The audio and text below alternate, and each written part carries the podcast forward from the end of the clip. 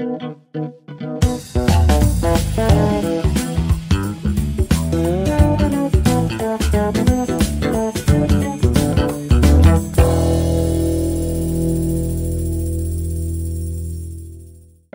صناعة الدواء في مصر بحوالي 170 مليار جنيه. ده عام 2022 وده رقم كبير جدا جدا. يعني إحنا لو حسبناه بتقديرات الدولار السنة اللي فاتت صناعة الدواء كده في مصر ممكن تعمل حوالي أكتر من 6 8 مليار دولار which is رقم كبير يعني.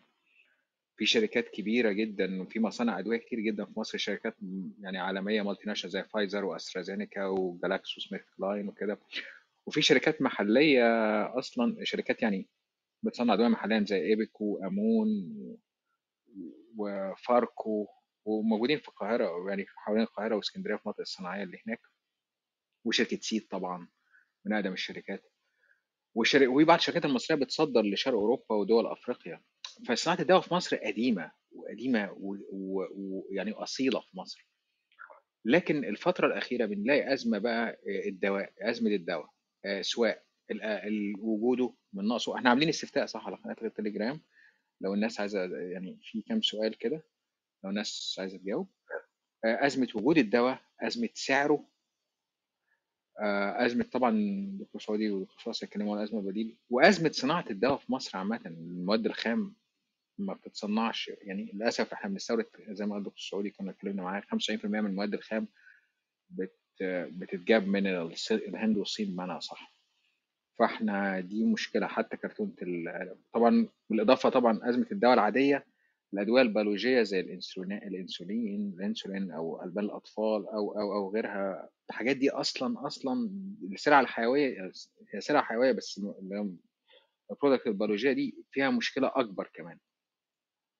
فيعني إحنا يعني طرحين الموضوع النهارده يعني الناس اللي هي سواء سواء patients أو صيادلة أو دكاترة عايزين يعني بعد ما دكتور سعودي ودكتور فراس يخلصوا مقدمتهم الناس اللي عايزة تطلع تقول رأيها أو شايفة إزاي نحل الموضوع ده إزاي نحل إزاي نساعد بعض عشان الناس اللي مش لاقية مش لاقية أدوية أدوية حيوية مثلا.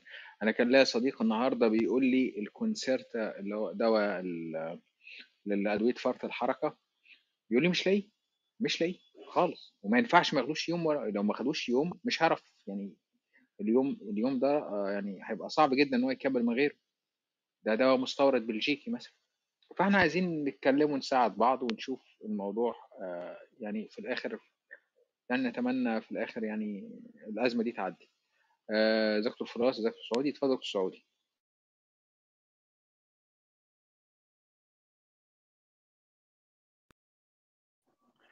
مساء الخير. بالتالي معظم الغرفة مصريين فأنا طبعا فراس سوري حبيبنا سوري حبيبتنا يعني أنا بدي الأفضلية كتحية لسوريا وتحية شعب سوريا يعني.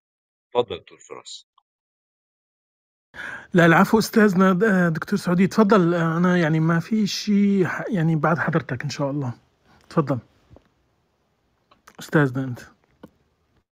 العفو. طيب إحنا يعني أتمنى إن في في الغرفة دي يبقى إذا كنا هنتكلم على مشاكل كمان عاوزين نقدم حلول للناس يعني. طب يعملوا إيه؟ آه في مشكلة آه في مشكلة. مش عارف لأي درجة. أنا عندي poor connection كالعادة بقى وبتاع. ما أعرفش صوتي واصل يا جماعة ولا؟ واضح صوتي واضح يا طيب ماشي. في مشكلة ما أقدرش أحدد المشكلة حجمها إيه آه، لكن هي مش عاوز أكبر الدنيا قوي ولا عاوز كمان نتكلم في آه، كلام آه، يخض الناس يعني. بس هو في مشكلة ومشكلة مزمنة على فكرة من زمان قوي لكن بدأت تتضح في الفترة الأخيرة يعني آخر ست أشهر مثلا في اختفاء كامل لمجموعات دوائية آه، مثلا الكورتيزون بتاع الأطفال مثلا أنا مش هقول أسامي تجارية على قد ما أقدر يعني. آه، مثلا أدوية الغدة مثلا سواء زيادة النشاط أو قلة النشاط. آه، والدولة عارفة كويس قوي يعني الدولة عاملة مون- عاملة monitoring كويس جدا وعارفة إن في أزمة. بس واضح إن دي مش من الأولويات أو ما أصبحتش من الأولويات يعني موضوع توفير الأدوية آه، لأن هم أعتقد مشاكلهم ضخمة جدا يعني مشاكل تدبير العملة يعني بوجه عام هي دي أس ال- أس الموضوع يعني آه، فهم مش عارفين يعملوا إيه يعني يدخلوا قطع غيار ولا يدخلوا آه، علف للفراخ ولا علف للمواشي ولا زيت وسكر ورز و- ولا يدفعوا مرتبات ولا يعني المشاكل عويصة جدا. بس بنيجي بقى لمشكلة الدواء بقى لأ لازم نقف لأن في أدوية بتبقى أدوية حيوية مرتبطة آه، مش هقول بحياة المريض بس بس مرتبطة بال... بال... إن الشخص ده ما يتحولش لعالة على مجتمعه أو على أسرته آه، أو ما يقدرش يمارس يمارس عمله. نتيجة لنقص أدوية مزمنة هو بيتعامل معاها. والنقص برضو خلي بالكم مش بس اختفاء للدواء آه، كمان نقص الفلوس عند الناس عملت نقص للدواء عندهم. إن هو ما أصبحش قادر إن هو يجيب ال- الأدوية المزمنة بتاعته سواء كانت أكثر الأمثلة يعني الضغط أو السكر مثلا. السكر بيتعالج بالاقراص أو بالإنسولين حصل حصل حصل زيادات بتصل إلى بعض الأحيان يعني إلى 200% في مع إن كانت من قواعد زيادة التسعير من 2017 ل 2019 هي عدم المساس بالأدوية المزمنة. يعني مثلا أسبوسيد أطفال ده اللي بيتاخد مثلا أنا آسف ذكرت اسم تجاري بيتاخد مثلا لمرضى لا ما حدش يجي ناحيته. أدوية الضغط والسكر لأ هنزود للشركة مثلا عندك 50 منتج هنزود لك مثلا 15% منهم آه، وهنستبعد أي زيادات في أدوية السكر والضغط. لا القاعدة دي خلاص أهملت يعني خلاص بقت آه، آه، كل الأدوية قابلة لل- لل- للزيادة وبشكل فيه اكسلريشن سريع جدا يعني مش زيادة مرة واحدة. يعني هتجد في بعض الصيدليات هتلاقي عندنا حاليا في السوق ما يقرب من ثلاث أسعار لبعض المنتجات. ودي قصة تانية برضه. بتسبب في مشاكل ما بين الصيدلي وال- وال- والمريض يعني آه، نبهنا من زمان قوي لل- للمش... من زمان يعني ساعة ممارستي للعمل النقابي أو الاحتكاك بالدولة. وقدمنا توصيات كتيرة جدا جدا يعني آه، آه، حرصا منا إن إحنا ما نوصلش لل... للوضع ده آه، تاني الوضع مش مش مقلق بالنسبة لنقص الدواء لكن هو شديد الخطورة وشديد الأهمية فيما يخص بعض الأمراض. أشد من مقلق لكن بوجه عام الصيدلة فيها دواء. حلول بقى للموضوع ده بقى هنيجي وقتها أنا عارف نووي بيحب يمشي بسيستم كده معين يعني فمش عاوز أسبق الأحداث يعني. أنا أنا معاكم وحاضر وتحت أمركم في أي استفسار أو أي توضيح طب آه، س- سؤال يا دكتور بس آه، قبل ما قبل ما نروح لموضوع الحلول. حضرتك قلت إن في مشكلة أنا فاكر إن إحنا في كلام قبل كده كنا اتكلمت مع حضرتك وحضرتك قلت لي إن في مشكلة في في الوعي الدوائي عند الناس في مصر. بمعنى إن هو لما بيجي هو عايز العلبة اللي فيها من بره شريط أحمر ومن جوه لونها أزرق. فلو أنت قلت له أو حاولت تقنعه 100 مرة إن العلبة دي فيها نفس المادة الفعالة مش هيقتنع. هل ده مثلًا حاجة أنتم يعني هل هو في في نقص ثقة شديد في المؤسسات في الدولة وفي الناس، فأغلب الناس بتشُك في الصي في يعني بتشُك في الناس اللي موجودة اللي هو عارف صيدلي معيّن بيتعامل معاه. هل مثلًا المفروض النقابة يكون لها دور في ده؟ هل هل ده يمكن يكون حل من الحلول؟ هل ده يمكن يكون بيفرق والّا لأ؟ وهل نشر الثقافة الدوائية ده دور مين؟ دور النقابة مثلًا والّا دور الدولة والّا دور مين؟ بس وبعد كده ممكن نكمّل. اتفضل يا دكتور. هو هو طبعا الوعي الدوائي اللي أنت بتقوله يعني إن هو قدرة ناس على التفهم أو التفرقة بين كلمة مثيل أو كلمة بديل آه، منعدمة تماما يعني. مع إن الغريبة اننا بنشوف آه، في مصر آه، عملاء من السودان مثلا أو من دول الخليج عندهم قدرة كبيرة جدا على تفهم هذا المعنى. يعني لكن إحنا عندنا المصريين ودي نتيجة ثقافة دوائية يعني عندنا مفقودة تماما ملهاش علاقة بالمستوى التعليمي على فكرة. هو زي ما تقول كده بتحصل صحوبية ما بين المصري وما بين علبة الدواء يعني. ف... ف... وحتى كمان في الطبيب يعني المشكلة بس مش بس مريض. آه، حتى الطبيب برضه الوعي الدوائي عنده آه، برضه نفس المشكلة. وهو بيفسرها لك بقى بتفسيرات كده إيه آه، ما معناه يعني إن ال clinical experience بتاعته اللي إحنا لازم نحترمها طبعا. انه بيثق في الشركة دي أو بيثق في المنتج ده وده ممكن نحترمه إلى حد ما لكن مش لدرجة إنك تعذب المريض أو مش لدرجة إن المريض ما ياخدش الدواء بتاعه لإصرارك على العلبة البيضاء اللي فيها المعلقة الخضراء أو العلبة اللي عليها العفريت زي ما بعض المصريين بيقولوا يعني على بعض أشكال فيتامين بي. فمشكله كبيرة جدا ال ال الوعي ده مين يصدره؟ آه طبعا النقابه بس ما فيش نقابه يعني هو ما عندناش نقابة ما فيش نقابة صيادلة ما فيش نقابة دواء. النقابة تحت الحراسة من 2019 إلى الآن وما نعرفش هتتفك إمتى الحراسة واضح إنه مش قريب يعني. فقلنا من زمان قوي نقول لوزارة الصحة والهيئه الدواء من بعدها اللي هي حلت محل وزارة الصحة فيما يخص الدواء. والوضع الغريب عندنا برضو إن هم فاصلين ما بين هيئة الدواء والغذاء. ودي برضو من تأثيرات المافيا بتاعة الدواء أو المافيا بتاعة الغذاء. في كل دول العالم أو معظم دول العالم الدواء والغذاء هيئة واحدة ومؤسسة واحدة. اف دي اي مثلا إلا في ناس FDA إلا في administration أيوه بالظبط صح. ال FDA السعودي drug association أو drug authority استراليا مش عارف إيه ال EMA في أوروبا آه، كل المؤسسات ال- ال- اللي بتتعامل مع الدواء والغذاء هي مؤسسة واحدة لأن الدواء والغذاء يا جماعة هم نفس ليهم قرب كبير قوي من بعض سواء في السيفتي بتاعتهم سواء في ال- ال- المكونات بتاعتهم المواد الحافظة بتاعتهم. فده الشيء الطبيعي جدا جدا جدا إن هي ما يبقاش فيه مؤسستين لل يعني دي مشاكل يعني هيكلية أعتقد في يوم من الأيام هتتحل يعني. لكن اللي أنت بتقوله يا نوي الوعي الدوائي مفقود دور الوزارة دور الدولة دور النقابة بس ما فيش نقابة. فدور الصيدلي برضو و... و... بس الصيادلة وصلوا لدرجة من ال...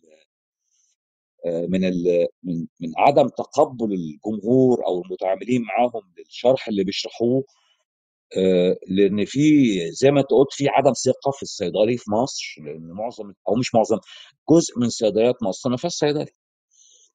فالناس مش عارفة هي بتتعامل مع صيدلي ولا بتتعامل مع مساعد صيدلي ولا مع باشمهندس ولا المعلم فلان اللي اشترى اسم الصيدلي علان دي مشكلة تانية برضه. لكن نقدر نجملها إن ما فيش أنا اتفضل. اتفضل. لا أنا هقول لك على حاجة أنا آسف والله بس هو ال- الصورة الذهنية بتاع أنا آسف والله أنا بقول الكلام ده. اللي أنا مت... اللي أنا عارفه إن الصيدلي بالنسبة لي هو شخص آه، يا إما من فترة طويلة قوي كان بيركب الدواء بتاع اللي هو لا تشرب الدواء الدواء فيه سم قاتل وأنا شو- زرت صيدلية أو اتنين في حياتي بيركبوا أدوية واحدة منهم في ال- في الجيزة تقريبا صيدلية كبيرة كده. أو إن هو أنا آسف والله برضه في اللي ده إن هو شخص بيدي يعني, يعني لو أنت عندك مشكلة في الحقن فأنا آسف جدا بس هو بيدي حقن ما يعني ما أنا ما أعرفش حتى يعني دايما كان السؤال بيتسأل لما اكون رايح صيدلية هو أنت صيدلي أصلا ولا لأ؟ لأن أنا اللي عارفه إن الشخص اللي واقف ده بيبقى أي حد يعني ممكن يكون أي حد. تاني حاجة إن الإف... ده, ده إفيه اللي هو أنت عندك بديل أنا ما عنديش الدواء بس عندي بديل ليه. لأن أنا في الآخر لما باخد الروشته زي ما حد كتب من شوية أنا باخد من الدكتور هو كاتب لي آه هو كاتب لي الدواء ده كاتب لي اسم دواء كاتب لي اسم تجاري مش كاتب لي مادة فعالة. فانا مش فاهم هو ده دي مشكلة في إن مفيش تواصل مثلا مع مع, مع, يعني المفروض إن الدكتور بيكتب مادة فعالة هو ده الطبيعي إن هو يكتب مادة فعالة ولا هو الطبيعي إن هو بيكتب اسم دواء؟ دي أول حاجة. تاني حاجة غير المشاكل الهيكلية الصورة العامة أو الصورة الذهنية للصيدلي في مصر مف... يعني يعني مش مش عارف أجيبها إزاي بس هي هي مهنة يعني مهنة أنا آسف تاني برضه. آه، هو هو بالنسبة لأغلب الناس هو الشخص اللي كان مقدم على كلية الطب فما جابش مجموع. يعني دي الفكرة العامة. أنا ما أعرفش برضه دور النقابة ولا دور مين وأنا آسف إني بقول الكلام ده بس هو ده الفكرة الصورة الذهنية يمكن تكون عندي أنا بس. لكن المشاكل الهيكلية دي كلها حلها النقابة ودوله النقابة تحت الحراسة. هل قبل ما تبقى تحت الحراسة في حد مثلا في في محاولات جادة لإن هو يغير أو إن هو يبدأ يتكلم على الثقافة الدوائيه في مصر في في حاجات حصلت ولا ما كانش فيه؟ أصلا ما كانش فيه. لا كان في محاولات قوية جدا وكان مسموح لنا زمان يعني زمان اللي هو في 2009 و8 و10 و11 و12 لغاية 13 كان مسمح لنا بوقفات بنطالب فيها بحاجة اسمها الاسم العلمي. آه، والمفارقة الاسم العلمي اللي هو المادة الفعالة يا جماعة اللي هي بتاعة الدواء يعني هتلاقي الدواء مثلا من فوق مكتوب اسم تجاري مثلا وتحتيه المكون بتاعه سواء مادة فعالة واحدة أو أكثر من مادة فعالة. الاسم الكبير المعروف آه، بالنسبة لكل الناس أو الناس اللي بتستعمل أدوية آه، للصداع والبرد والإنفلونزا والضغط والسكر وهكذا. يعني ده الاسم بنسميه الاسم التجاري بتاع الشركة. تحت الاسم التجاري أو أو ممكن نلاقي المكونات بالتركيزات. آه، آه، طالبنا كتير جدا بتعميم الاسم العلمي. آه،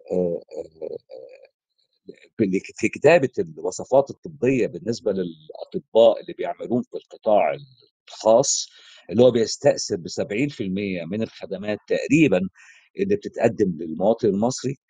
قبل هذا الكلام برفض شديد جدا لأن في مافيا عنيفة وقوية جدا ب- برافضه الكلام ده طبعا على رأس هذه المافيا. شركات الأدوية رافضة آه، آه، يجي بعدهم الأطباء بعض الأطباء مرتبطين ارتباط شرعي بقى أو غير شرعي ببعض الشركات أو بعدة شركات.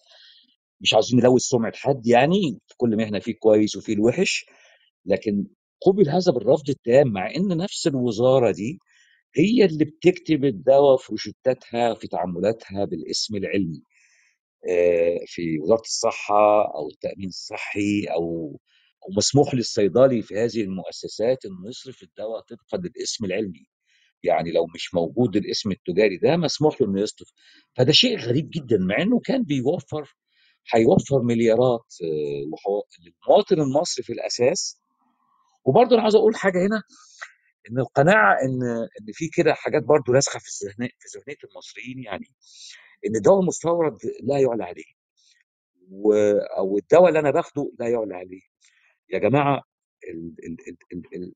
أي شكل الدواء موجود أو أي مثيل للدواء هيقوم محل ال... بالعمل محل الدواء الأصلي. مع بعض التحفظات القليلة جدا على بعض ال biological product أو آه، بعض الأدوية الحيوية يعني أو أدوية في نشاط معين أو في امراض معينة ممكن آه ساعتها نتفهم إن الدكتور يصر على الدواء دي وحتى الصيدلي ما بيقبلش إنه يغير الدواء ده لكن 99 في طب بلاش 99 نقول 95% من. من الأدوية اللي أنت حضرتك بتاخدها سي مثلا ب 2000 جنيه في الشهر الصيدلي ممكن يوفر لك نفس الأدوية دي على الأقل ب 50% آه، آه، ت- تكلفة أقل يعني لو بتدفع 2000 ممكن يوصلها لك بنفس الفاعلية بنفس الكفاءة و- وعاوزين نبص برضو نسبة مثلا وفيات الأطفال في مصر هل هي مثلا بتزيد بتقل عن دول العالم؟ لا بالعكس. طب متوسط عمر المصريين؟ آه الحمد لله في ازدياد في متوسط عمر المصريين. يبقى اذا المصريين بيتعالجوا. بيتعالجوا بأدوية أصلية أجنبية آه، أو بأدوية محلية. فالناس بتعيش والناس بتخف والناس بتتعالج. فبنحاول على قدر الإمكان نغير فكر الدواء المستورد اللي هو حطوا بعض الفسده والمفسدين في مجال الصيدليات على رأسها السلاسل الصيدليات العظيمة اللي هي تملي كانت من زمان قوي تقول للمريض أنت عاوز بقى ترابيتا التي المستورد ولا ترابيتا التو المحلي؟ طبعا العيان بقى لأ عاوز المست هيروح سأل هو في فرق؟ يقول له آه طبعا المستورد أفضل وده طبعا دجل. وأبعد ما يكون عن العلم أو عن الحقائق اللي إحنا درسناها في الكليات وشفناها في التعامل مع ال- المرضى. اكتفي بكده عشان ما أطولش في الكلمة بتاعتي طب يا دكتور سعودي معلش أنا أنا بس حاسة إن إحنا اللوم أكتر ناحية كده الصيدلي والمريض. أنا ليا تجربتين تلاتة كده بره مصر. لما أروح الدكتور اللي بيتكتب لي في الروشتة فهي المواد الفعالة طبعا بالنسبة لي كلام مش مفهوم ومش مطلوب مني كمريضة أبقى فاهمة دي إيه. بس الدكتور بيبقى طبعا شارح لي ده دواء عشان كذا عشان كذا وده عشان كذا. بيبقى أبقى فاهمة وإمتى وده يتاخد قد إيه وي- ويقف إمتى وكده. لما باجي أروح الصيدلية أنا بالنسبة لي بيبقى فيه منظر معين. بيبقى فيه الأدوية اللي هي over the shelf عادي اللي هي مش من مش لازم روشتة مثلا زي هنقول بنادول أدوية برد مش antibiotic وكده أدوية البرد والكلام ده كله دي كلها حاجات over the shelf والروشتة بروح بيها لمكان بيكون الراجل فيه اللي هو بقى دي بعرف منه إن هو الدكتور الصيدلي لأن هو الوحيد اللي في المكان اللي بيكون لابس البلطو. فده اللي بديله الروشتة وهو بيسلمني الدواء. فأنا لا أفقه شيء عن النوع. أنا كده إحنا مش بن... ما هياش تجارة بالنسبة لي. و خلاص بحاسب وبمشي. طيب حتى even اللي هو اللي هنقول المسكنات اللي هي over the shelf لو بنادول أو كده فبيبقى في ساعات restrictions أو limitation اللي هو على الفاتورة الواحدة علبة أو علبتين. فهو system متكامل. يعني من أول الدكتور لحد ما بخرج. فأنا كمريض أنا مش مطلوب مني يعني هي ببقى بالعادة مش مطلوب مني إن أنا أبقى أنا ماليش دور أنا اتعودت على الدور ده على عكس اللي هنا في مصر. جزء منها كبير طبعا بيبقى كوميرشال بيبقى في دكاترة معينة آه، متفقة مع صيدلية معينة كمان وعندهم آه، نسب أو حاجة ما عنديش فكرة الصراحة قوي يعني يعني مفيش دكتور بنفسه شرح لي. بس بلاقي في دكاترة بتطلب من الصيدلية الفلانية والدواء الفلاني بالرش فخلاص الصيدلية بتشوف اسم الدكتور أكيد في بينهم ديل يعني ايا كان بقى كده كده ما يخصنيش. بس أنا كمريض أنا بعاني لو الدواء ده مش موجود وهفترض إن أنا رحت الدكتور مترشح ليا إن هو كويس وبعيد عن مكان سكني. فأنا لو مشيت فأنا غصب عني خلاص أنا كده بقى عندي psychological effect كده من الدكتور إن أنا لازم أرجع تاني الصيدلية دي بكرة أو بعده عشان أجيب الدواء ده من الصيدلية دي.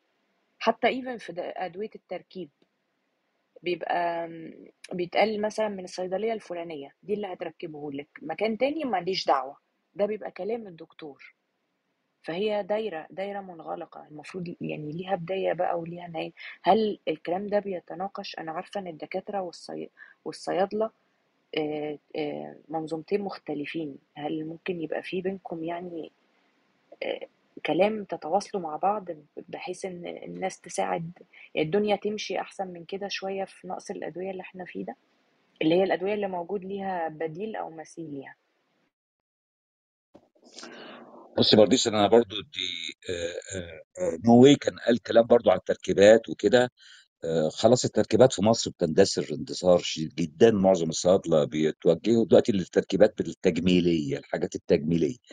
لكن التركيبات العلاجية سواء الطبيب نفسه بطل يكتبها أساسا يعني و و وكمان بقى عندنا أجيال من الصيادلة ما, ما تعرفش تتعامل إحنا درسناه وعملناه في الكلية و وخدنا خبرات من الناس اللي أكبر منا لكن يعني إحنا كنا مثلا أوقات نعمل الفوار لما الفوار ينقص كنا بنركب فوار بنعمل فوار في الصيدلية بن بن بنحضر لبوس في الصيدلية لو في لبوس معين مش موجود. وكنا مجهزين بكل الكيماويات مع ارتفاع أسعار الكيماويات مع عدم كتابة التركيبات من الأطباء مع عدم تنقل خبرة التركيبات من الصيدلي للصيدلي مع انتصار الصيادلة اللي بيعملوا تركيبات ووفاتهم يعني ورحمة الله عليهم جميعا. فبقاش في حاجة اسمها تركيبات دلوقتي إلا فيما نظر جدا يعني. الصيدلي يا جماعة برضو خلي بالكم مش عاوز أقول كلام شعبوي يعني أنا صيدلي وصيدلي عجوز و... وشفت خير المهنة دي وهي سبب بعد ربنا وأبويا وأمي يعني في اي خير استمتعت بيه. الصيدلي بي... بي... كان بيقوم بأدوار أو إلى الآن بيقوم بأدوار هو مش مش مش مصرح ليه أساسا إنه يعملها ولا حتى مجهز علميا ليها. و و وحتى سعودي أنا آسف إن أقول كده بس بس أنا أنا أنا أنا في أوقات كتيرة كنت بخش الصيدليه يقول أقول أنا عندي كذا يقول لي خد ده يعني حرف هو بيشخص وبيديني الدواء. أنا بتكلم جد والله أنا في مصر ده كان بيحصل على طول. أنا تعبان شوية فبيقول لي أنت عندك كذا خد كذا. ده حصل معايا. هي محبه موده بس ده كان بيحصل يعني. هو, هو الصيدلي بالقانون بالقانون خلي بالك وبالعلم هو مؤهل للتعامل مع الأدوية الوصفية.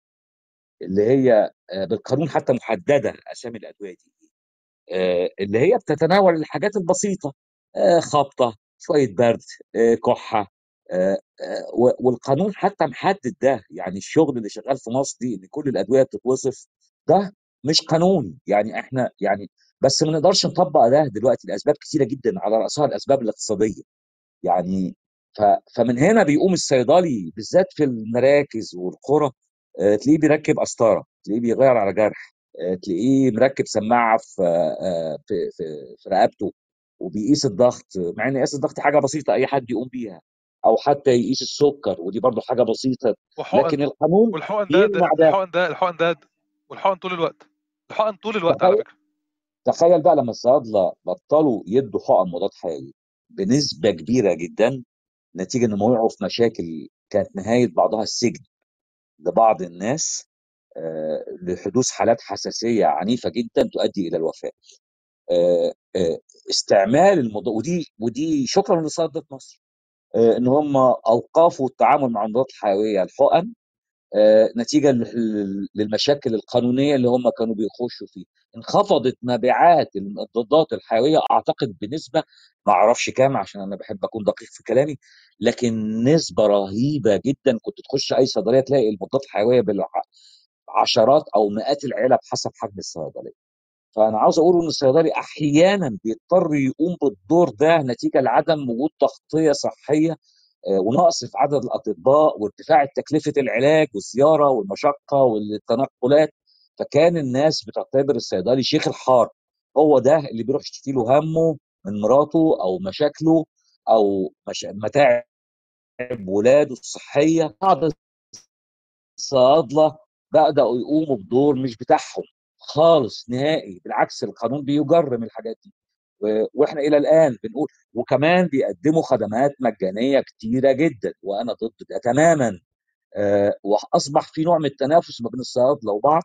لكن مش عاوزين ننسى دور الصيادله في مثلا الكورونا بصراحة الصيادلة عملوا أدوار في الكورونا مش بتاعتهم تاني مش بتاعتهم لكن بمساعدة الأطباء ومساعدة بعض ال- ال- العلماء من الصيادلة اتعملت كورسات معينة وبقى الصيدلي بيقرأ الأشعة وبدأ يقرأ التحليل وبدأ يحدد دي كورونا ولا لأ.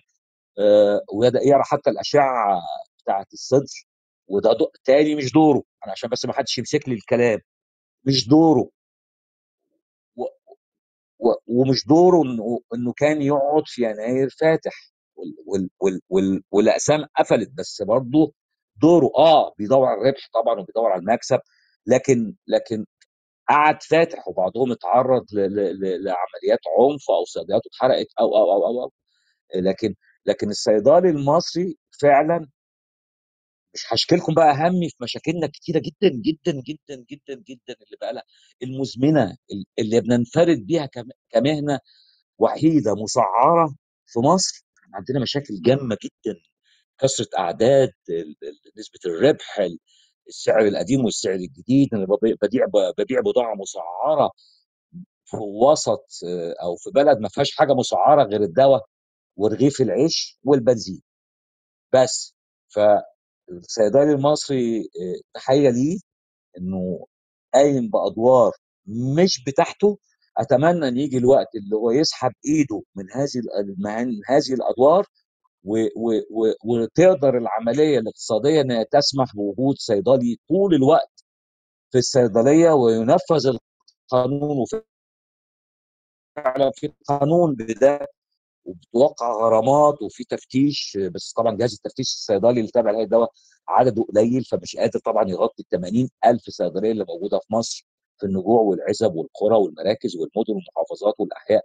ف ف فما فيش رقابة آه، بشكل كافي لكن بنحاول والله إن إحنا طب يا دكتور آخر نقدم خدمة محترمة لمو- لمواطن محترم. آخر سؤال بس. آخر سؤال وبعد كده دكتور منجر هيكمل لأن أنا فعلا الأسئلة دي شغلاني شوية. هو في حماية للصيدليات يعني في رقم ساخن مثلا بتكلموه لأن أنا أنا أغلب أصحابي الصيادلة تعرضوا لموقف ما أعرفش حضرتك سمعت عنه ولا لأ أو حضرتك تعرضت له ولا لأ. كان بيجي لهم دايما خصوصا اللي في أماكن شعبية أو في أماكن متطرفة بعيد عن الشارع الرئيسي أو حتى الاشاره الرئيسية.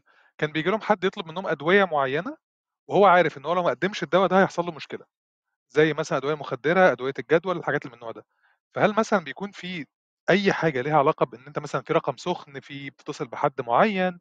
ولا لأ لأن أنا أنا حتى أعتقد ده حتى ظهر في أفلام سينمائية يعني تراب الماس مثلا كان قايم على فكرة زي دي يعني في ناس بيخشوا الصيدليات يطلبوا أدوية معينة اللي هي وأدوية بأسماء معينة، هو الصيدلي بيبقى قدامه خيارين، يا إما يدّي له المخدر من غير من غير روشتة، يا إما بيتعرّض للضرب أو للانتهاك في المكان بتاعه. هل الموضوع ده اتناقش قبل كده؟ لإن أنا شُفته في أعمال درامية، فهو أكيد الموضوع مش موجود بس في يعني على مستوى ضيّق، أنا شُفته عند أصدقاء، شُفته في حاجات، شُفت الكلام ده بيتقال كتير أوي. بس، وبعد كده ممكن بقى دكتور منجر يكمّل مع حضرتك.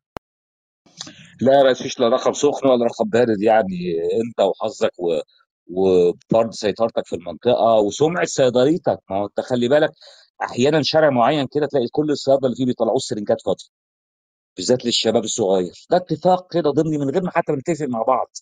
إحنا اتحددنا وقُلنا مش هن مش هن آآ زبون السرنجات ده لأ، ده زبون مقرف، لو خد رجله على الصيدلية خلاص. بعض الصيادلة إحنا طبعًا مش ملايكة، آآ بعض الصيادلة أو بعض الصيدليات التي لا تُدار بصيدليا بصيدلي بنسميها الصيدليات الدخلاء، آآ آه ممكن تتعامل في المخدرات، ممكن تتعامل في الأدوية ال الممنوعة آآ بأي درجة يعني، لكن بيبقى مصيرهم السجن غالبًا يعني، يعني بيقعوا بيقعوا يعني، لإن الم الأمن في حتة المخدرات دي بيبقى صاحي أوي، ومش هاقدر أقول إن لأ، أنا مش بالوم الصيدلي، ما 100% باتكلمش على لوم لكن الصيدلي، ما باتكلمش على لوم الصيدلي، ما باتكلمش على لوم الصيدلي يا دكتور، ما باتكلمش على لوم لأ، لأ، الصيدلي، في عندنا ال اللي حضرتك. بتتكلم عليه ده؟ عندنا دولاب، اتقتلت أنا عارف ده بيسم عشان المخدرات، بي المخدرات، آه، أو اتفضل، اتفضل. طب ما فيش أي ما فيش أي تحرُّك مثلًا، ما فيش أي تحرُّك من من الدولة إن هم مثلًا يعملوا لهم رقم سُخن، يدّوهم يدّيهم أي حاجة، لإن هو في الآخر هو عنده جوّه يعني اللي أنت بتتكلم عليه ده ده ده بيسموه في الشارع في الشارع دولاب، اللي هو دولاب معيّن لمنطقة معيّنة بيروح ياخد منها المخدرات ودي بتبقى معروفة صيدلية دي، ده اللي هو بالتراضي، ده ما عندوش مشكلة وده في الآخر مجرم زي ما حضرتك قُلت بياخد جزاؤه، أنا باتكلم على اللي مش عايز. بُص يا ريس هي بتعتمد على شخصية الصيدلي و و وإن هو راجل بيحترم نَفْسه وبيعرف يتعامل مع الناس دي بطريقة معيّنة بحيث إنه بيقفوا عند حدّهم. بس خلّي بالك كمان ال إن هاوجّه اتهام ال أصابع الاتهام للدولة في بعض الأدوية التي يُساء استعمالها، كان بيبقى موجود هنا عندنا يا نوي آآ لبعض الأصناف يمكن 130 دوا بكل الأشكال الطبية بدءًا من الكبسولات أو ال أو الأشربة. آآ و و وال كانت ال موضوع تسجيل الدوا بيسمح بهذا والناس عارفة الأمن عارف والوزارة عارفة إن هذا الدوا اللي موجود ليه 130 شكل صيدلاني موجود لغاية ما الأمن أصدر تعليماته الدوا ده دخل جدول أول مخدرات. طب هل هذه الأدوية ما بيبقى ما فيش اختراعات تانية؟ لأ، في اختراعات تانية. وبتنزل حاجات تانية بنفس السيناريو ب ب ب ب مش ح مش عارف هنستنى إيه آآ في السماح بتسجيل هذه النوعية من الأدوية التي يُساء استعمالها آآ وأرقام المبيعات بتاعتها معروفة، يعني بعضها بيوصل لnumber 1 يا ريس في في في في المبيعات unit بالوحدة والناس عارفة كلّها، لكن إحنا جرى العُرف من زمان إن لازم تيجي تعليمات بالأمن إن الترامادول يخُش جدول أو ترامادين يعني أو الجابابنتين يخُش جدول مثلًا واخد بالك؟ ف فده بيؤكد إن في فساد في في في في موضوع تسجيل الدوا وتسعير الدوا و وكل مش هاقول عدم رؤية، لأ، أنا باقول في فساد وفي تسهيل لأمور آآ آآ ما يصحّش أبدًا تكون موجودة في السوق المصري أنواع أنواع معيّنة من الأدوية آآ بيُساء استعمالها تحت بصر وسمع كل السلطات مع سابق الإبلاغ عنها بأكتر من من وسيلة من جانب النقابة لمّا كان في نقابة أو أو أكيد في جهات بت بتتكلّم في الحاجات دي يعني، بس. شكرًا هي بالتحديد دكتور هو اللي معايا بقى. اتفضل يا دكتور. لا، لا، أنا هي بس أز أزمة الدوا عامةً دي علاقة بين المريض والصيدلي والدكتور، هي دي دي الcycle يعني، فإحنا بناخدها م إحنا بنقول من وجهة نظر الصيدلي هيطلع إن شاء الله بيطلع ناس يتكلموا مثلًا على النقص والكلام ده، اتكلمنا عن الثقافة الدوائية نفسها، ما دي مشكلة الوعي، إن الدوا مثلًا اللي هو المنتج المحلي زي المنتج المستورد أو كده، الدكتور نفسه م عليه عليه عليه واجب كبير جدًا، لإن هو هو هيساعد لازم لازم يساعد الصيدلي ولازم يساعد المريض، يعني آه، طبعا إحنا بنحب نلوم الدكاتره ولو في أي دكتور عايز يطلع أنا شايف في كذا دكتور تحت يطلعوا عشان إيه نا- ناخد وندي معاهم يعني. فدكتور دكتور فراس دكتور فراس آه، يعني industrial pharmacist وراجل ليه خبرة كبيرة جدا في صناعة الدواء في كذا دولة عربية. هو أخ من سوريا وعارف صناعة الدواء في مصر وعارف شركات الأدوية في مصر. ادينا ال insight. آه تحياتي دكتور. آه، تحياتي للجميع طبعا. حقيقة أنا صيدلي ووالدي صيدلي وابني صيدلي وزوجتي صيدلانية وأخوي صي... يعني الصيدلة هي تقريبا family business في البيت آه أنا بدي أحكي بغض النظر عن مصر لأنه هذه مشكلة تشترك فيها معظم الدول في منطقتنا باستثناء الخليج. آه أنت حكيت إنه آه في cycle اللي هو الطبيب والمريض والصيدلي الحقيقة في كمان جزء من هذا ال cycle اللي هو الدولة أو المؤسسات اللي المؤسسات المسؤولة عن الرعاية الصحية. حتى نحط الأربعة جنب بعض.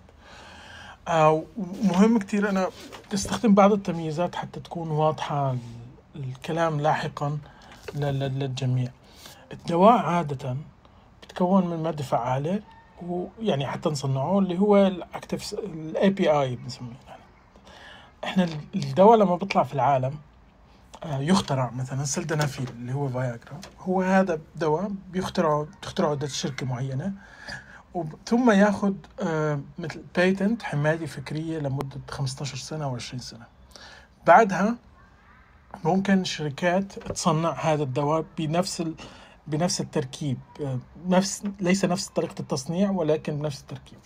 الدواء الأولي نحن بنسميه originator أو سموه بمصر عادة بسموه brand آه، والدواء اللي بينتج بعد نهاية المرحلة الحماية بنسميه generic فهذا ال generic بتلاقي إنه في شركات كثيرة بتنوي. مصر دولة منتجة لل generic مصر ما فيها brand ما فيها originator ما فيها دواء اختراع.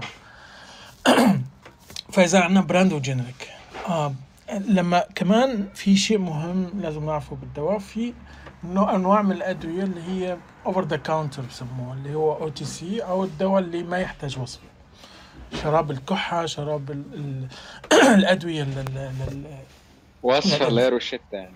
آه و- و- والرش روشته بدون روشته فهذه أدوية كثير بتكون آه، موجودة في السوق وهذه لا تحتاج إنه آه، هذه عادة الصيدلي هو ممكن يتصرف فيها.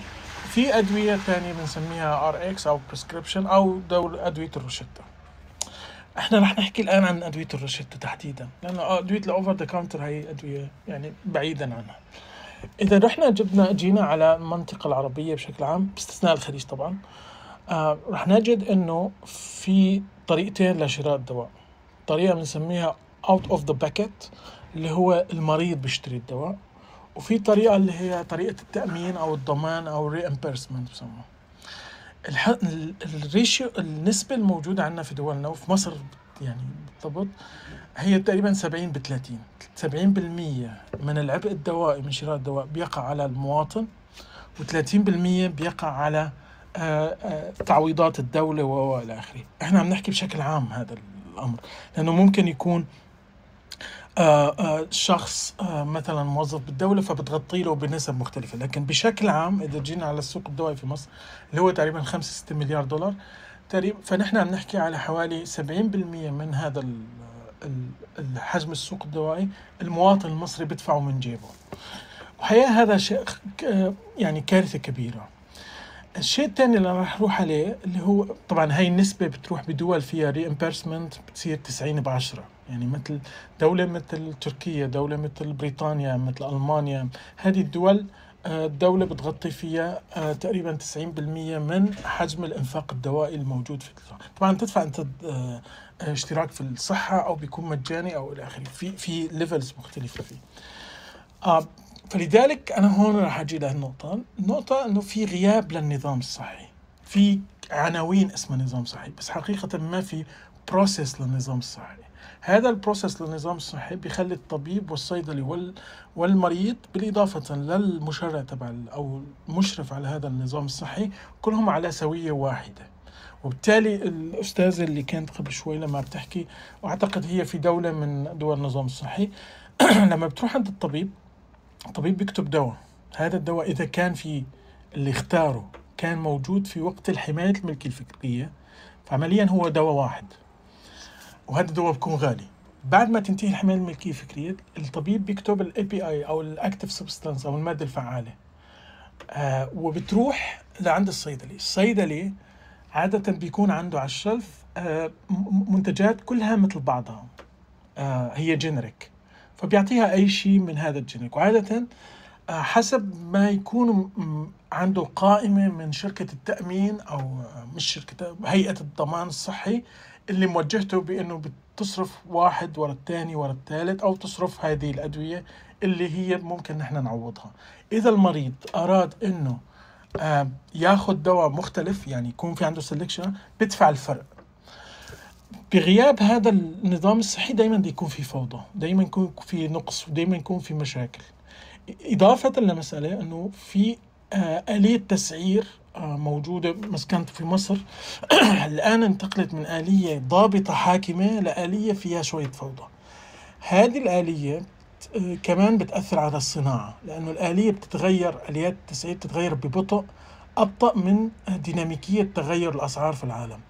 هذا سابقا ما كان عندنا مشكلة فيه قبل كوفيد 19 لأنه آه، سوق الدواء المواد الأولية في العالم كان مفتوح ما كان في أزمات كانت تحصل أزمات مؤقتة في بعض الزمر الدوائية أو ببعض المنتجات معينة ممكن تصير فيها أزمة. لكن بعد كوفيد 19 أصبح في مشاكل في في زمر دوائية أو مجموعات دوائية معينة مثل ال antibiotics مثلا. وهذا له سبب حقيقة لأنه تقريبا إذا بنحكي على منتجات البيتا لاكتام مثلا هذه بتنتجها تقريبا بحدود 3 75% من إنتاجها بيجي من ثلاث شركات صينية. يعني هذه الشركات الصينية بتنتج البيتا لاكتام بتبلش توزعها في العالم. فأنت أحيانا كمستورد للمادة الأولية في مصر بتستوردها من إسبانيا بس هي بتكون صينية في الأصل أو تستوردها من الصين بشكل رئيسي. فنحن بعد كوفيد 19 صار في عندنا مشاكل في supply chain ومشاكل في كفاءة الإنتاج للمواد الأولية لأسباب عديدة منها آه، تغير شوي ال models الموجود في العالم ومشكلة ال supply chain والشحن. أيضا في مشاكل تتعلق بدولنا اللي هي متعلقة بال- بالدولار يعني بالعملة الصعبة اللي موجودة. لأنه أسعار ال API في العالم كمان ارتفعت بشكل كتير كبير. يعني سابقا API كان يشكل يعني نسبة بسيطة من سعر الدواء. لكن الآن حقيقة بلش آه آه أسعار ال API غير ثابتة يعني متذبذبة وبالتالي هذا بيأثر على حساب التكاليف بالنسبة للمصنع. ودائما هو بده يكون في مرحلة آه مأمن حاله من ال risk. وبالتالي بعض الشركات بسبب آليات التسعير بتبلش تبطل تنتج بال portfolio تبعها بعض الأدوية اللي هي من زمان ما هي مربحة بالنسبة لها ولكن هي تنتجها بسبب احتياجاتها في السوق لتكمل ال portfolio. يعني في أسباب أخرى متعلقة بال business تبعها. الآن آه توجه كتير مش بس بمصر بالمناسبة بكتير دول عربية آه بلشوا آه ما ينتجوا هذه الأدوية وبالتالي بلشت تشعر في نقص. خاصة مثل مثلا مثلا على سبيل المثال منتج كابتوبريل مثلا هذا بيستخدم لمرضى الضغط أو اللي عندهم قصور قلب احتقاني أو هذا الدواء مش مش مربح بالنسبة لل- لشركات الأدوية. ولكن لما تقطعه أنت في مريض ضغط موجود في السوق اللي هو كابوتين تبعه. آه هذه مشكلة لازم لو كان في نظام صحي فشركات الأدوية عادة ما بيكون عندها هذه المشكلة. لأنه عارفة إنه هو سوف يعني راح يتم تغطيتها وبالتالي بتأمن. خليني أقول مش تختفي المشكلة تماما ولكن تتقلص كثير المشكلة. يعني هذه المشكلة موجودة حتى في الولايات المتحدة الأمريكية. أي حدا منكم في الولايات المتحدة الأمريكية إذا فتح على FDA بيشوف ال shortage drug list بيلاقي دايما أدوية التخدير. لأنه أدوية التخدير هي أدوية غير مربحة شحنها مزعج هادرة بالنقل بي- بيروح فيها بالهدر. ففي كتير commercial ما بيشتروا ما بيشتغلوا فيها. بس هي ما فيك تفتح عملية تفتح غرفة عمليات بدون أدوية تخدير مثلا.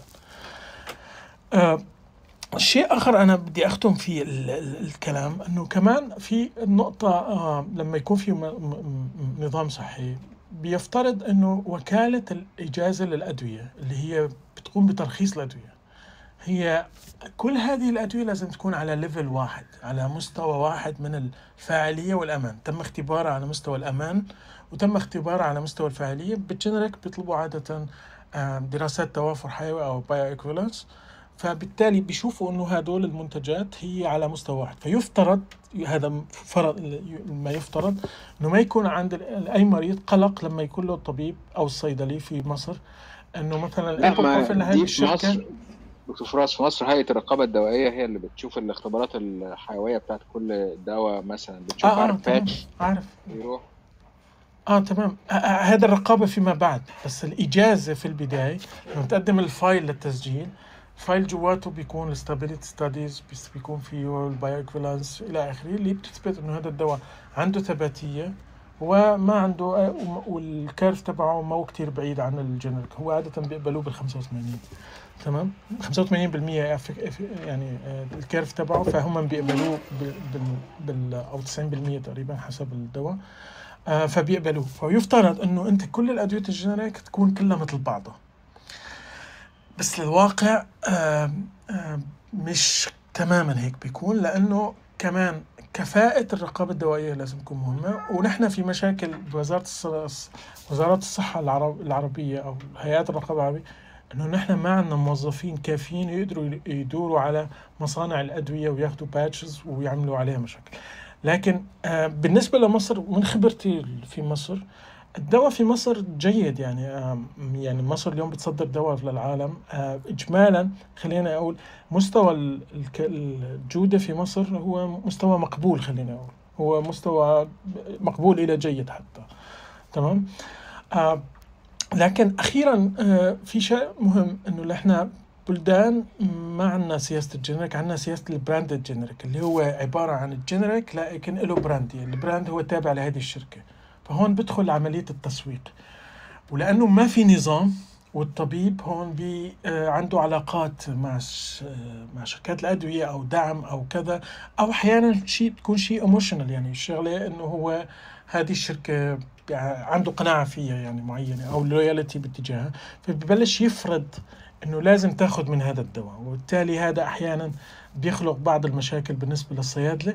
اللي هم عندهم ممكن هذا الدواء ما يكون موجود آه، أدوية ثانية لكن هذه الأدوية كلها مثل بعضها لأنه هي خضعت لنفس الاختبارات وخضعت لنفس المعايير ولم تجاز إلا لما وصلت لنفس هذه المعايير. الحابب أنا أخت... ال- الخلاصة اللي بدي أقولها إنه ما فيك تتصور حل لهذه المشكلة إلا في وجود نظام صحي، هذا النظام الصحي يضبط كل عملية الرعاية الصحية. بداية من مصانع الأدوية وإيجاد قرارات للت- للترخيص فيها بشكل جيد. يعني مصر كان في سابقا اسمه ال box اللي هو خمسة زائد سبعة اللي هو اثنين مستورد واحد originator وواحد مستورد وخمسة محلي. آه هذا دايما أنا أنا يعني أنا والدي وحتى بصيدليتي كان الصيدلي دايما يتضايق من عدد الأدوية الكبير في الموجود في الصيدلية، لكن أنا مع هذا الشيء إنه لازم تنتج لأنه بعد شوي ببلش السوق يعمل regular يعني آه، تنظيم لنفسه وتبلش الشركات آه، تحط ال- ال portfolio الصح بالنسبة لها لأنه إحنا شركاتنا عادة بتنتج portfolio ضخم جدا وبتضخم مع الوقت.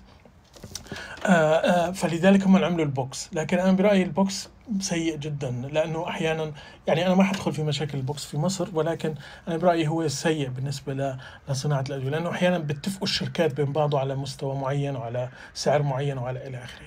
فلما تفتح السوق بهذا الشكل وحتى أنا برأيي آه، تضمن آه، مستوى يكون فيه تخطيط للصناعة تصل لمستوى من التصدير مقبول وتفتح السوق عليه آه، بالنسبة لها بشكل كتير كبير. لكن تتحكم بالليستنج تبعك. يعني الذي يتم قبوله داخل آه، لا قائمة التأمين تبعك أنت تتحكم فيه تكون عندك تحكم دائما فيه بحيث إنه أنت عايز تست- تستورد دواء استورد دواء ما في أي مشكلة بس دخولك للل listing هذا الشيء بيخضع لمعايير. هذه المعايير احدها اللي هو آه، السعر آه، آه، التفاوض بالسعر ال NHS ببريطانيا تفاوض معه دائما على السعر بما يتعلق بإدخال الادويه سواء generic أو اورجينيتور حتى بالنسبة لل originator يعني نحن شركات ال originator مثل فايزر جونسون جونسون هدول الشركات الكبيرة كثير بتحب أسواقنا لأنه ما حدا بتفاوض معهم على أي شيء. هم بيبيعوا بالسعر اللي بدهم إياه. وما بتستغرب أحيانا إنهم بيبيعوا بأسعار أعلى من الأسعار اللي بيبيعوها لشركات لل NHS بالمناسبة. آه، فبالتالي أنا برأيي إنه ما فيك تحل هذه المشكلة إلا إذا يكون عندك نظام صحي يضمن إنه العملية من بداية تصنيع الدواء واستيراد المواد الأولية ونهاية بالصيدلي. بعدها المريض هو حلقة تكميلية في هذا الموضوع لأنه هو اللي عم بيستخدم هذا ال service. وببلدنا ولما بنحكي على ال prescription الدول الروشتة المريض ما عنده كتير option ما عنده كتير خيارات يختار. أو يفرض على الطبيب أو على الصيدلي ياخذ هذا أو يترك ذلك. فبالتالي هو الطرف السلبي بهالموضوع أو الطرف المنفعل بهالموضوع. فلذلك نظام صحي يضبط كل هذه الأمور آه، راح يقلص هذه المشاكل اللي نحن اليوم عم نشوفها. راح يزيد جودة الدواء بالضرورة. لا لا وراح يزيد حجم السوق الدوائي. أنا أعطيكم مثال كتير بسيط. آه، تركيا كان السوق الدوائي فيها تقريبا لا يتجاوز حوالي 3.5 مليار دولار. لما بلشوا يعملوا نظام صحي ستريكت فيه كويس عندهم ونظامهم الصحي جيد جدا بالنسبة آه، حجم السوق الدوائي صعد ل 7 مليار دولار. الطبيب صار يقدر يكتب اللي هو بيشوفه مناسب. المريض حصل على العلاج الذي يجب أن يحصل عليه. آه، آه، ويأمن للصناعة الدوائية طبعا النظام مو مو مثالي في عليه مشاكل لكن فينا نتعلم نحن من آه، ال- ال- ال- التجارب الأخرى. لأنه مصر سوق كبير حقيقة سوق مهم جدا أنا برأيي. آه، ومصر لازم يعني عندها كل الإمكانيات تكون آه، الهاب تبع الفارما في المنطقة العربية يعني أو حتى خلينا نقول الجنوب المتوسط ولها فرصة في أوروبا جيدة برأيي. آه وشكرا لك دكتور آه أنا ما أعرف أنت شو شو الدواء اللي حاطه اليوم هالمرة؟ أحمد؟ آه، مونجارو بس مونجارو. هبقى تفضل. نتكلم بعد. شكرا. طيب ماشي. okay. شكرا جدا دكتور فراس شكرا جدا على المداخله دي. بس هي الغريبة إن مثلا دولة زي الأردن ودولة يعني دولة شقيقة وكل حاجة مش زي الأردن. يعني مش زي الأردن مش بقص مش بصغر من الأردن بس دولة الأردن شركات زي الحكمة ودار الدواء ليها أدوية FDA approved يعني. فدي بقى دي غريبة. الشركات المصرية اللي المفروض أعرق بكتير زي إيبك وأمون وغيرها وغيرها. ما, ما مش عارف ما فكروش في حاجة زي كده رغم إن هم خليني أقول لك شغلة ال- ال- دار الدواء ما عندها FDA هي بس الحكمة عندها FDA بقيتهم دار الدواء عنده اثنين أو ثلاثة بيوروب. إيفا بالمناسبه بتشتغل بيوروب بتبيع يعني أنا اشتغل يعني كان في شغل بيناتنا مع إيفا بالنسبة لأوروبا. الحكمة تجربة لحالها يعني ممكن واحد يحكي عنها كتير. آم، وأنا أنا بعرفها شخصيا يعني زرت المصنع وحتى تدربت تحت إيد آه، تغريد شنار. أنا اشتغلت تحت إيدها فترة اللي هي كانت vice president للحكمة.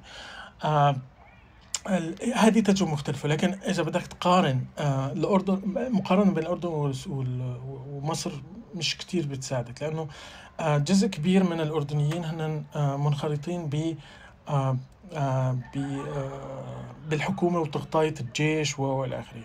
آه، وهم بالأخير نحن عم نحكي على 6 مليون. والدواء غالي في الأردن بشكل خرافي. أنا اشتغلت سنتين في الأردن. آه، اللي ما يحصل في الأردن ما بتقدر تطبقه بمصر على الإطلاق على الإطلاق. يعني آه، آه، فالتجربة الأردنية لها وضع خاص مختلف يعني. وعلى مستوى الصناعة المصريين عندهم قدرات آه، برأيي يعني يعني أنا ما شفت فرق أنا زرت مصانع في الأردن وزرت مصانع في مصر أنا ما شفت كتير فرق حقيقة. آه لكن في فرق بال بال tangible ما في فرق بس في في بال intangible services اللي ممكن تحكي عنها هون بتبلش في فرق. يعني مثلا على مستوى تحضير الم... انت ليه ما بتروح على أوروبا وامريكا لأنه ما عندك ال mentality هي عرفت كيف؟ ما عندك وما عندك متطلبات هذه ال mentality.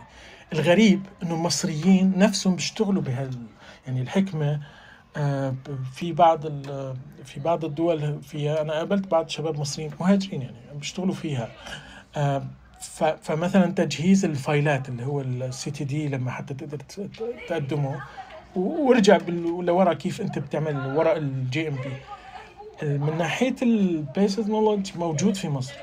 بس قد إيه مطبق قد إيه الناس مهتمة تعمله. هذا مرتبط بفلسفة الصناعة نفسها. إذا هذه الصناعة عندها توجه تصدر لبرا أو تكون آه، رقم قوي في في في موضوع التصنيع. هذا هذا موضوع تاني هذا موضوع كتير كبير. آه، في مصر مش موجود. يعني لحد اللحظة آه، أنا ازعم بس إيفا هم الوحيدين بيشتغلوا بهال mentality بقية الشركات الدوائية في مصر في مشكلة في مصانع الأدوية في مصر بال decision making system في كارثة حتى إذا بدك عرفت كيف؟ لا دي مشكلة. دي مشكلة آه، كبيرة انت عارف. يعني ماشي شكرا خلاص آه طب ناخد بقى الناس اللي داخل. يا آه دكاترة آه أو آه ناس ناس مثلا شايفة نقص في أدوية معينة هنشوف إزاي ممكن تتحل لو عايزين يطلعوا أو تحب نوين نحط مثلا لينك آه، أسئلة في قناة التليجرام؟ على فكرة حاطين استفتاء في قناة التليجرام لو الناس عايزة تبص كده استفتاء. فالناس لو عايزة تطلع تشارك آه، تشتكي مثلا من حاجة معينة إزاي ممكن نحلها لهم أو كده آه، يتفضلوا. إحنا مرحبين بأي حد. بس ممكن ناخد محمد صالح. اتفضل يا محمد. طيب السلام عليكم تحياتي لكم جميعا وشكر لكم للموضوع المهم وأنا بحب احيي أستاذي دكتور سعودي وان كنت أنا لم أتتلمذ على إيده هو شخصيا فتتلمذت على جيله. وأحب أقول إن إن جيل دكتور سعودي اللي اتعلمناه على إيديه جايد لاينز في أفضل الدول العالم على على يعني أنا اشتغلت في في ثلاث دول في ثلاث قارات مختلفة. اللي اتعلمته من جيل دكتور سعودي آه، بيتطبق دلوقتي في أفضل دول العالم تطورا في مجال الدواء من حيث التعامل مع المريض الكومباشن مع المريض إزاي التعامل مع المريض على إن هو مش مش زبون. آه، لو لاحظنا حتى في اللغة بتاع الدكتور سعودي فهي لغة راقية فأنا بحب دايما أسجل تحياتي لدكتور سعودي و- وفخري بان أنا تتلمذت على إيد الجيل العظيم ده. آه، وعشان نروح لل- للموضوع. ال- القوانين بتطل... بتيجي من فوق لتحت. لكن القوانين بتتعمل إزاي بتيجي من تحت لفوق؟ بمعنى إن بيجي feedback من الناس الممارسة للمهنة إن إحنا في عندنا المشاكل الفلانية في عندنا الأوضاع الفلانية بيكون في system عشان ال feedback ده, ده يوصل للناس اللي بتحط ال... ال... ال- القوانين وبالتالي يتم تطبيق يتم تغيير القوانين أو تعديلها أو إنشاء قوانين جديدة لأن دايما بيتم استح... بيكون في دايما ظروف مستحدثة بتطرأ على أي مهنة. الملحوظه الأولانية الصيدلي هو البروفيشنال الوحيد في مصر اللي ما بياخدش أجر على شغله. هتقولي لي إزاي ما بياخدش أجر على شغله؟ هقول لك أنت بتخش بتشتري دواء منه ب 10 جنيه. هو دفع فيه 8 جنيه فهو كسب منك 2 جنيه بس ال ال- ال- ال 2 جنيه دول اسمهم ROI return of investment هو invested 8 جنيه بيصرف إيجار كذا ألف جنيه عنده مرتبات كذا ألف فال 2 جنيه دول ده return of investment لكن هو عشان جاب لك الدواء وشرح لك الدواء ده استخدامه إيه؟ وشرح لك تستخدمه إزاي وإيه اللي ممكن يحصل لك من الدواء دوت وإمتى ترجع للدكتور وإمتى ترجع للمريض وإمتى تتوقع إنك أنت تتحسن كل الكلام دوت هو ما خدش عليه فلوس. مع إن ده أصل الشغل بتاعه الشغل اللي هو عمله لك في موضوع إن هو باع لك الدواء وأخد منه فلوس ده أنت لو دخلت سوبر ماركت اشتريت بحاجة هو ده return of investment لكن ال professional ال professional أصلا services اللي هو عمل service اللي هو عملها لك هو ما خدش عليها فلوس. ده مبدئيا. وبالتالي في أي دولة من دول العالم في حاجة اسمها dispensing في ال dispensing fee ديت لو أنت جايب روشتة فيها خمس أدوية بتاخد خمسة dispensing fee مش بتاخد dispensing fee على ال على ال على ال prescription كلها على ال على الروشتة كلها لا. بتاخد dispensing fee على كل دواء لأن كل دواء أنت بالقانون لازم تشرح للمريض الدواء ده اسمه استخدامه الفايدة بتاعته أستاذ محمد بس ال dispensing fee لا زي الفيزيتا كده عايزين بس عشان هو زي الفيزيتا كده بتدفعها فندم اللي للدكتور هي اللي هو آسف لأن طبعا في آه في في فاهم كلمات فاهم. الواحد ما استخدمهاش بالعربي قبل كده فأنا آسف. هي أنا بعتذر هي ال- اللي هي فعلا زي الفيزيتا كده اللي هي الفلوس اللي بتدفعها للصيدلي مقابل إن هو شرح لك إيه الدواء ده وايه استخداماته وما إلى ذلك. وبالتالي فالصيدلي في مصر من الأساس هي مهنة ما بياخدش أصلا مقابل الشغل بتاعه كيف تحول نفس الشخص اللي بيكلمكم دوت من شخص ممكن في الصيدلية بتاعته تيجي اللي في الغالب بتكون فيميل يعني ال- ال- اللي هي ال- ال inspector من ال- اللي هي المفتشة بتاعت الصحة اللي جاية مديرية الصحة وجاية معاها آه، عربية بوكس عشان تخش تعمل مداهمة على الصيدلية بتاعته إلى ن- ولما نفس الشخص ده تحول إلى دولة تانية لما الدولة بتحتاج إن في ورقة يتم توثيقها وهي ورقة زواج أو ورقة طلاق أو باسبور بتقول له روح للصيدلي يمضي لك على الورقة ديت قبل ما تبعت لنا الصورة بتاعتها. يعني أنا بوثق الورقة زي التوثيق بتاع ال- ال- اللي بيتعمل في مصر من الأماكن بتاعت التوثيق الحكومية. النهاية الصورة دي الصورة الذهنية ديت عند الشعب هي بتيجي من النظام بشكل عام النظام بتاع البلد كلها اللي بيقول إن الشخص دوت شخص إحنا متأكدين إن الشخص دوت يستحق الثقة دي. بيجي منين الكلام دوت؟ صناعة الدواء في مصر أو وضع الدواء في مصر لا بيتح... لازم يتحل من البداية خالص من الأول خالص. أول حاجة لازم يتم فرض إن الدواء يتكتب بحاجة من اثنين يا تكتب اسم المادة المادة الفعالة يا تكتب اسم الدواء الأساسي. وفي النهاية المريض هو اللي بيختار المريض عايز يختار المادة الفعالة أو أو أو اللي بيسمى البديل المحلي أو الدواء الأصلي بالسعر الأصلي. في الوقت دوت المريض هيبقى عنده اختيارين. يا يدفع 100 جنيه في في الدواء يا إما يدفع 30 جنيه اللي هو في الغالب بيبقى 30% بس من سعر الدواء على نفس الدواء ولكن إنتاج محلي. في المقابل هو عارف إن الدواء لم يتم السماح ليه بالتواجد في السوق بتاع الدولة بتاعته إلا إذا كانت عملت آه، دراسات بتسمى bioavailability comparison study واتعمل مقارنة اللي هي مقارنات في فعالية الدواء ما بين الدواء ده والدواء ده وتم التأكد إن الدواء دوت في فعاليته مماثل للدواء الأصلي. يبقى يبقى إحنا دلوقتي خلاص قلنا للمريض إن الدواء اللي موجود في السوق كله فعال. لكن في دواء شركة قامت باختراعه ولذلك فهي بتبيعه بت- بتاخد فلوس ال ال ال الاستثمار اللي هي صرفته على الدواء دوت لأن هي بتستثمر مليارات من الدولارات عشان تطلع دواء واحد وفي مليارات بتتكب في الأرض لأن بعد ما يطلع بعد ما بيعمل الدواء يلاقي إن الدواء ده غير غير فعال بشكل أكبر من اللي موجود في السوق أو الدواء فيه عنده فيه مشاكل في الأمان بتاعه فبيكبه في الزبالة. ده بيحصل. فالاستثمار بتاع الدواء دوت إحنا بنشوف إن الدواء بيتباع بسعر غالي لأن الناس دي استثمرت مليارات من الدولارات. وبالتالي المريض نفسه هو بيختار أنا هقدر أدفع 100 جنيه في الدواء أو هدفع 30 جنيه بس هو عارف إن الدواء اللي ب 30 جنيه دوت هياخد منه فعالية زي الدواء ب 100 جنيه. إيه إيه أهمية الموضوع دوت؟ اولا أهميته إنك أنت الصيدلي بيتكلف ودي نقطة مهمة جدا. الصيدلي في مصر بي- بيحط آلاف الأصناف عنده في الدواء ده وبيعمل لود عليه غير طبيعي مادي. لأن هو مطالب إن هو يحط نورفاسك. ويحط الأملوديبين بتاع إيبيكو وبتاع السيديكو وبتاع النيل وبتاع العمرية وبتاع مينا فبدل ما بيس- بيستثمر في صنف واحد من الدواء هنقول مثلا 200 300 جنيه بيضطر يستثمر 3000 جنيه لأن هو لو جاله روشتة مكتوب اسم التجاري بتاع الدواء بتاع شركة إيبيكو المريض لو حلفت له على المصحف مش هياخده. يبقى لكن هيتحول الأمر لو إحنا فرضنا إن الدواء يتكتب بالاسم ال- بالاسم التجاري الرئيسي أو اللي هو ال brand name يعني أو بيتكتب بالاسم ال generic اللي هو المادة الفعالة هن- هنا هنخلي الصيدلي دكتور سعودي هيبقى مطالب إن هو يجيب علبة نورفاسك وعلبة املوديبين من أي شركة. طب أهمية ده إيه؟ اولا دكتور سعودي مش هيحتاج مش هيحتاج يصرف مبلغ كبير عشان يوفر صنف واحد من الدواء. تاني حاجة الشركة الأصلية والشركات المنتجة للمواد لل generic هت- هتتنافس مع بعض هيبقى في منافسة إن أنا إزاي أحط الدواء بتاعي عند دكتور سعودي فأنا هدي عروض للدكتور سعودي علشان أحط الدواء عنده. ده هيقلل أسعار الدواء. وده حصل وليه أمثلة أنا عايش فيها شخصيا. بعض الأدوية ال- ال- اللي هي ال brand name الأدوية الأصلية بتدي للمريض كارت للتأمين يديله فرق لدرجة إن هو يدفع نفس المبلغ اللي هيدفعه لو اخذ ال generic لأن هم ما بيبيعوش إلا لو عملوا كده. يعني أنت تخش تشتري علبة الدواء مثلا اللي هي بتاعة الضغط بتاعك تاخد نفس الدواء ال brand وتدفع الفرق بس تدفع الدواء بس بتاع ال generic ليه؟ لأن الشركة عايزة تكسب.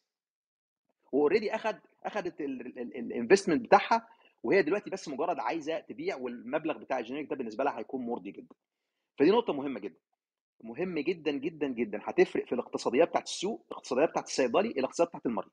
تاني حاجة الشركات الخاصة في مصر قطاع الخاص في مصر لازم يتفرض عليه إن يكون في تأمين صحي لكل العاملين فيه.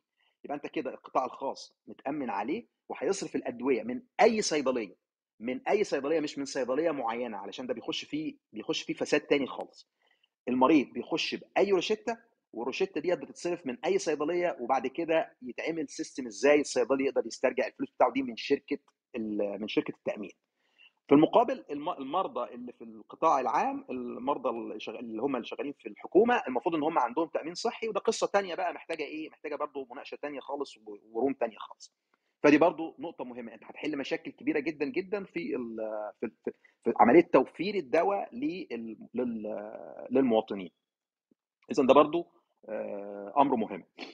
ال- ال- ال- المش... المشكلة بتاعت الأدوية اللي هي ال- ال- ال- الكبيرة بتاعت مصر مثلا اللي هي الأدوية المخدرة. في مصر لا يوجد أي توثيق لعملية بيع وشراء الأدوية في الصيدليات. ودي عملية مش موجودة تقريبا أصبحت مش موجودة في أي دولة في العالم. اذا أنا أقدر أخش بأي روشتة بأي دواء واصرف أي دواء وأقدر أخش أصلا من غير روشتة واصرف أي دواء. الكلام ده تهريج ما عادش- ما ينفعش الكلام دوت. لازم يتحط اولا ثلاث زي معظم دول العالم. طبعا ال- ال- الأنظمة في دول العالم مش كلها متطابقة لكن في حاجات ثابتة. يوجد ثلاث أنواع من الدواء. الدواء اللي هم بيسموه ال ال ال ال- رقم واحد رقم واحد دوت لا يمكن صرفه إلا برشتة طبية. وده مش معناه إن هو مخدر لا ده دواء الضغط ودواء السكر ده لا يمكن صرفه إلا برشتة طبية. دواء رقم اثنين يمكن صرفه برشتة طبية ولكن لا يمكن للمريض الحصول عليه دون استشارة الصيدلي. ودي بتبقى أدوية موجودة ورا ال counter والصيدلي يقدر يطلعها بناء على التقييم بتاعه للحالة ولكن مش محتاج روشته الدواء الثالث هو موجود ممكن حتى في السوبر ماركت زي مثلا أدوية ال- البنادول وال- وأدوية بعض أدوية الزكام وبعض أدوية الكحة المريض ممكن ياخدها بإيده وفي نفس بس هو في نفس الوقت يقدر يروح يسأل الصيدلي بعض الأسئلة عن الدواء ده. فلازم نتقسم الأدوية دي للثلاث أدوية دي ويبقى الموضوع معروف كويس جدا. النقطة اللي بعد كده لازم يكون في حاجة اسمها guidelines ال guidelines ديت اللي هي ال- الخط- الخطوات الإرشادية اللي بتقول للصيدلي أنت تعمل إيه في الحالات الفلانية. والحاجات دي موجودة في مصر لكن ما فيش ثقافة تنفيذها ولا في ثقافة قرايتها. أنا أتحدى أصلا الصيادلة المصريين لو كانوا قروا ال guidelines ال- وزارة الصحة مثلا في التعامل مع الأمراض المختلفة. الكلام ده مش الكلام ده مش موجود عمليا. وإذا كان في استثناءات فهي استث- فهي استثناءات تثبت تثبت القاعدة الأساسية. يبقى إحنا هنحط قاعدة أساسية إن إحنا هنصرف الأدوية الفلانية ديت بس بروشتات وهنحط قاعدة أساسية إن التعامل مع المرضى في الأمراض الفلانية هيتم بالنظام الفلاني. والنظام دوت بيبقى سهل جدا جدا جدا إن أنا بحط ورقة كده عاملة زي ال survey أنا بسال المريض أسئلة معينة أوصل منها ل conclusion معين ال conclusion دوت ممكن إن أنا أبعت المريض دوت للدكتور أنا أقدر أتدخل وأديله دواء أو إن المريض دوت مش محتاج دواء وأنا ممكن أقول له مثلا إنك أنت محتاج تعمل حاجة اللي هم بيسموه ال non-pharmacological choices choices يعني ممكن أقول للمريض إن هو يعمل حاجات ما لهاش علاقة بالدواء ممكن تحسن من حالته وممكن أتابع معاه بعد كده. مصر لازم يبتدي يكون فيها عملية توثيق لعملية صرف صرف الدواء علشان كمان حاجة مهمة جدا وهي ال liability اللي هي ال- آه، المسؤولية مسؤولية المسؤولية مسؤولية قانونية. المسؤولية مسؤوليه المسؤولية قانونية القانو... المسؤوليه القانونيه والمسؤولية الأخلاقية. المسؤولية القانونية اللي ممكن توصل إن هو الصيدلي ده يتحاكم والمسؤولية الأخلاقية اللي هي ممكن تخلي ال- النقابة بتاعت الصيادلة أو أي آه، منظمة مسؤولة عن مراقبة الصيادلة ال- إن هي تحاسبهم. وقد يؤدي ده إن هو ياخد يتاخد منه اللايسنس لو كانت ال- ال- المخالفة مخالفة شديدة أو مخالفة متكررة. وعلى فكرة المخالفة المتكررة أهم من المخالفة الشديدة. لما بيكون في آه، زي ما نقول باترن معين أو إن في طريقة معينة نفس الصيدلي ده بيغلط بيها كل مرة فديت بتبقى أشد من إن غلطة كبيرة حصلت مرة واحدة. آه، دي بعض النقط اللي ممكن تصلح سوق الدواء في مصر وهي في النهاية بتحتاج إرادة سياسية من الدولة نفسها إنها تصلح. وبتحتاج تعاون بعد كده من ال ال ال ال ال. الناس اللي هم اللي بيشتغلوا في المجال الصحي علشان تتنفذ لأن إحنا بت- بتلاقي مقاومة شديدة جدا من الدكاترة للأسف لأسباب غير علمية علشان هم يكتبوا اسم الدواء بالاسم التجاري للدواء لأن بيتم حاجات كتيرة جدا ممكن أنا كتبت بعضها في الشات وفي ناس كتير عارفاها مش غايبة عن حد بتخليهم دايما مقاومين جدا للموضوع دوت. أنا شاكر ليك جدا. شكرا. لا شكرا جدا يا دكتور. شكرا جدا لحضرتك والله. آه، لو دكتور فراس ودكتور سعودي عايزين تعلقوا على دكتور محمد نروح لدكتور طارق اتفضلوا. آه شكرا دكتور محمد. آه بس هو يعني كأنه عضو نقابي. هو بيتكلم عن الصيادلة آه بشكل جميل جدا يعني وشكل وافي وشكل محترم وبيدافع عنهم يعني. بس أخشى إن إن إن الحاضرين في ال في ال في الروم دي مش عارف. يعني لكن هو آه، إدى إدى glances كده وعمل landscaping كده على مهنة الصيدلة بشكل بشكل جميل وفي فخر وفي بصراحة تحياتي واحترامي ليه يعني. كل الكلام اللي قاله زي الفل. أنا موافق عليه. آه، شكرا دكتور. فراس شكرا دكتور سعودي sorry آسف.